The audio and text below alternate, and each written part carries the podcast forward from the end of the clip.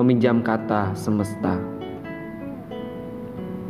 Di kota yang cukup padat Perjalananku berhenti pada sebuah ruko ketika hujan mendera lelah sepulang kerja. Seketika kutemui kawanan burung kalang kabut menuju sarangnya. Isyarat yang menyuruhku untuk memalingkan wajah ke ujung kaki. Di sana nampak jalan lurus berkabut abu-abu. Takku merasakan nyaman dengan keadaan demikian. Lantas terduduklah badanku di teras itu memandang wajah lucu yang tergambar di angan. Akulah sebatang tumpul yang gemetar menangkap warna dunia dalam ramai kota. Si lugu dengan ambisi kebodohan untuk berkarya yang dapat tandas di mana saja.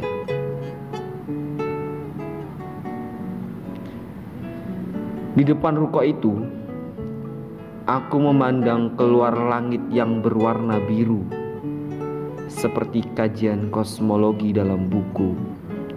Jika benar bumi hanyalah sampah kosmos yang mungkin tersebar miliaran planet dalam satu galaksi akibat dentuman besar. Lalu di mana perjalananku akan berhenti? Ternyata di balik langit yang indah begitu banyak cahaya mengerikan, di mana gelap mendominasi, di mana sebuah bintang dapat membakar apa saja, tak terbatas seperti titik putih, merah, hijau, kuning, dan biru di atas kertas hitam, bagai layar yang membantang jauh tanpa henti.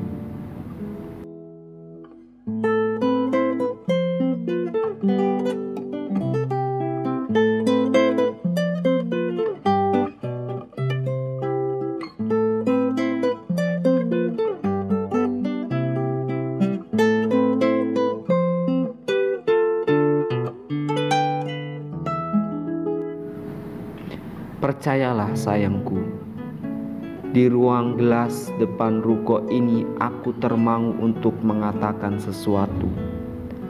Aku gunakan nama-nama mereka untuk memujamu. Bulan, Serius, Vega, dan matahari yang bercahaya dalam kata-kata fiksi. Kurasa tak semudah ini menyampaikan rindu